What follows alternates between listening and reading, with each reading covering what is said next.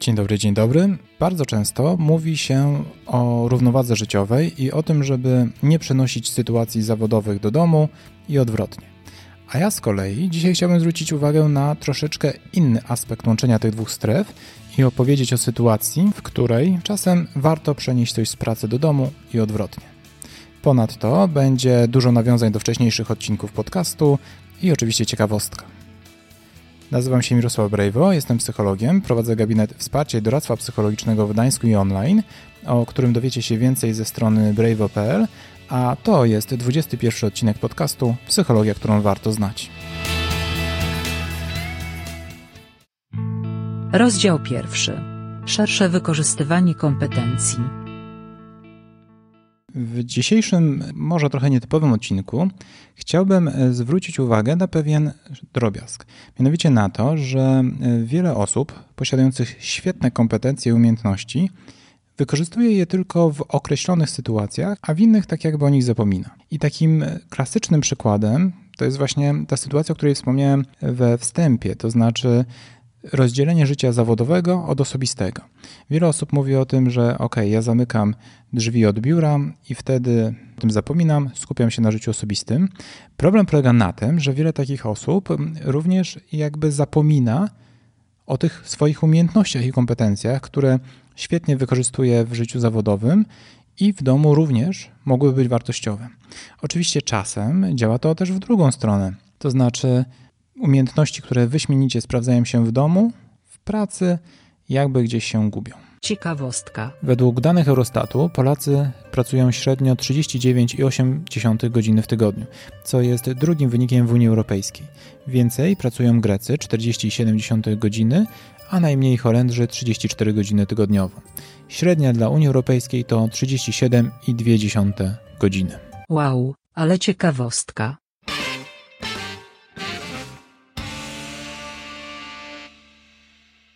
Zacznijmy chociażby od takiego, myślę, że bardzo klasycznego przykładu. To znaczy osoby, które e, w domu mają problem z zachowaniem spokoju, łatwo się unoszą, kiedy często zapyta się je, jak sobie radzą w relacjach na przykład z klientami, to się okazuje, że potrafią radzić sobie doskonale. Są opanowane, potrafią sobie żartować, rozumieją potrzeby drugiej osoby. Natomiast w domu to się jakoś gubi. Więc świetnie byłoby zastanowić się, w jaki sposób przenieść te umiejętności zawodowe do domu w tym przypadku.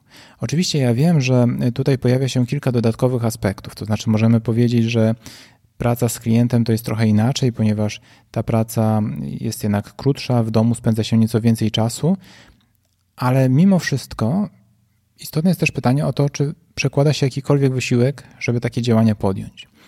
Takich Zdarzeń jest oczywiście bardzo dużo, no bo chociażby kwestia zarządzania czasem i planowania. Okazuje się, że w sytuacjach zawodowych wychodzi to wielu osobom doskonale. Są zorganizowane, mają wszystko doskonale poukładane w swoim kalendarzu, o niczym nie zapominają. Natomiast w sytuacjach domowych okazuje się, że pewne rzeczy są notorycznie odraczane. Ale to może działać też w drugą stronę. To znaczy osoby, które potrafią z wielką pasją i zaangażowaniem zajmować się określonymi rzeczami w domu, w sytuacji pracy, kiedy nawet rodzaj zdarzenia, rodzaj pracy byłby podobny, radzą sobie już o wiele gorzej i z o wiele mniejszą motywacją. Chcecie więcej przykładów? Proszę bardzo.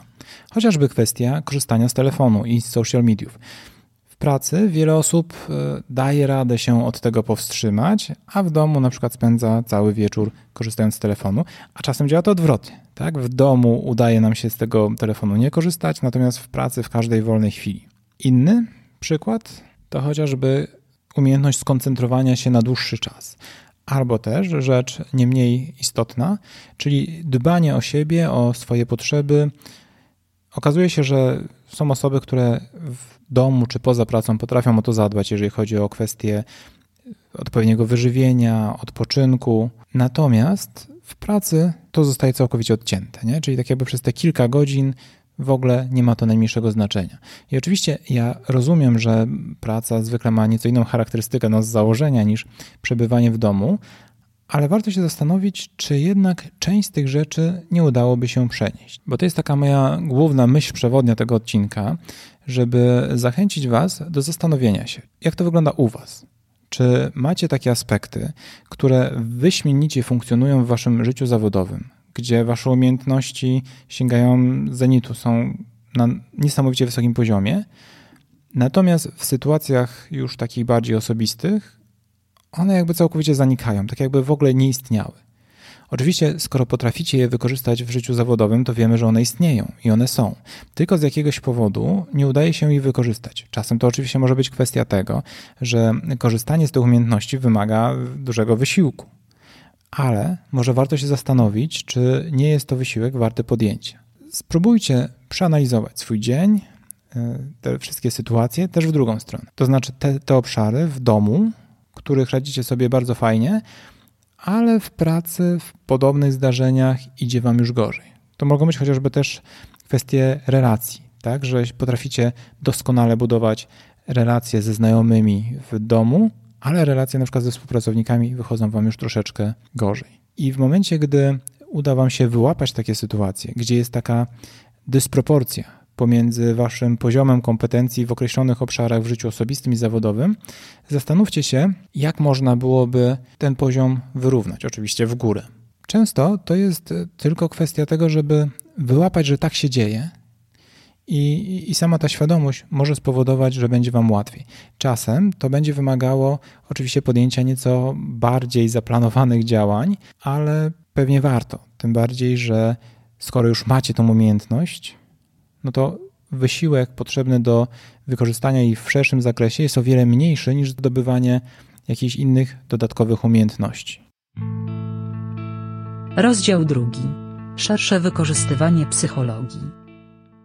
Podaliśmy troszeczkę takich przykładów ogólnych, gdzie pojawia się rozbieżność między życiem osobistym a zawodowym, ale zwróć, chciałbym teraz zwrócić uwagę, że również narzędzia psychologiczne i techniki można wykorzystywać w wielu obszarach. I to jest w ogóle świetne, że, że można je zgeneralizować i posiadając jedno narzędzie, można je stosować niczym jakiś taki wielofunkcyjny scyzoryk w 40 sytuacjach. Tylko właśnie pojawia się pytanie, czy na pewno zawsze z tego korzystamy. I nawet nawiązując do wcześniejszych odcinków podcastu, mówiliśmy o różnych technikach. No i zobaczcie, chociażby zjawisko peak and moment, tak, czyli efekt szczytu końca, mówiący o tym, że na to, jak będziemy oceniać nasze doświadczenie jakieś, czy jak będziemy pamiętać jakieś zdarzenie, tak naprawdę nie wpływa uśrednione całe doświadczenie z całego czasu jego trwania, tylko najbardziej wyrazisty moment i końcówka.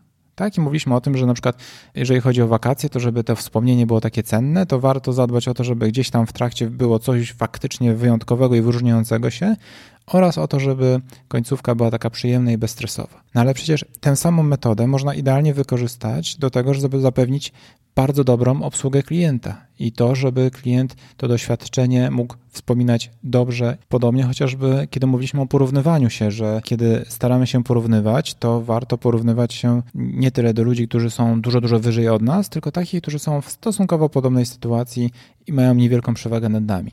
Przecież Podobnie można się porównywać do konkurencji. Mówiąc o związkach, mówiliśmy o tym, jak ważne jest to, żeby mieć odpowiednie proporcje mówienia dobrych rzeczy, tak zwanych komplementów, do negatywnych. No i jak wam idzie? Bo tutaj też bardzo często udaje się te proporcje wyśmienicie zachować ludziom na przykład w domu, ale w pracy, w relacjach ze współpracownikami czy z pracownikami idzie już o wiele gorzej. A czasem jest odwrot. Mówienie dobrych rzeczy, docenianie pracy osób, z którymi się pracuje, idzie bardzo dobrze, ale docenianie działań rodziny już o wiele gorzej. A pamiętacie może jak w odcinku na temat tego, jak się zmotywować do działania, mówiliśmy o teorii Ryana i Desiego, która zakładała, że żebyśmy mogli być zmotywowani, mieć taką motywację wewnętrzną, to trzeba byłoby mieć poczucie autonomii, czyli że mamy odrobinę niezależności w tej naszej pracy. Jednocześnie uważamy, że to, co robimy, jest istotne, no i mamy też kompetencje, które pozwoliłyby nam na to, żeby sobie z danym wyzwaniem poradzić. Ewentualnie jesteśmy w stanie te kompetencje zdobyć. I to jest świetny punkt do tego, żeby samemu się motywować, ale jeżeli macie pracowników, to jest też świetny punkt, żeby zastanowić się, czy im to umożliwiacie. Oczywiście ja wiem, że to zależy od specyfiki pracy, ale w wielu zawodach jest to zupełnie niewykorzystywane, pomimo że dałoby się to zrobić bardzo łatwo. I na zakończenie jeszcze jeden przykład z pierwszego odcinka, czyli złudzenie planowania. To znaczy to, że bardzo często nie doszacowujemy czasu, który faktycznie jest potrzebny na zrealizowanie danego zadania. I tu również zastanówcie się, jak sobie z tym radzicie. Czy może jest tak, że właśnie w życiu osobistym planowanie idzie wam całkiem nieźle, ale w zawodowym już nie. A może odwrotnie właśnie, że w zawodowym przykładacie się do tych projektów o wiele dokładniej i tam planowanie e, działa lepiej i ulegacie temu złudzeniu w mniejszym stopniu, albo przede wszystkim uwzględniacie go w swoich planach, ale w domu to już się do tego, do tego nie przykładacie i wszelkie projekty wydłużają się w nieskończoność. Podsumowując, zwróćcie uwagę, czy wykorzystujecie swoje umiejętności w równym stopniu w pracy, jak i w domu. Jeżeli gdzieś jest wyraźna przewaga, to postarajcie się ten drugi obszar wyrównać. Tak więc mam, mam nadzieję, że ten troszeczkę nietypowy chyba jednak odcinek był dla Was wartościowy, a już za dwa tygodnie, czyli 2 listopada, porozmawiamy o tym, jak odnaleźć swoją drogę w życiu. Dziękuję i do usłyszenia.